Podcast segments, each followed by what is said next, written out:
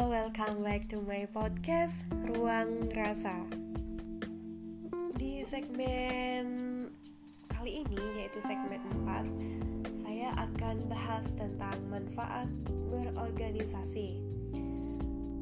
Nah, sebelum kita masuk ke pembahasan teman-teman Saya ingin disclaimer dulu bahwasanya di sini ini saya hanya ingin sharing Hanya ingin berbagi pengalaman pokoknya sharing-sharing aja lah ya.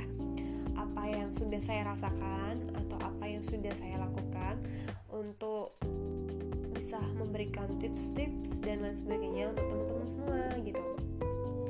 Kalau misalkan kalian ngerasa ini cocok kalian bisa lakuin. Tapi kalau misalkan kalian pengen cari informasi yang lebih atau sumber yang lebih lagi boleh gitu ya. Oke kita lanjut ke pembahasannya di sini teman-teman semuanya, teman-teman pendengar khususnya, saya yakin teman-teman tahu dong organisasi ya kan.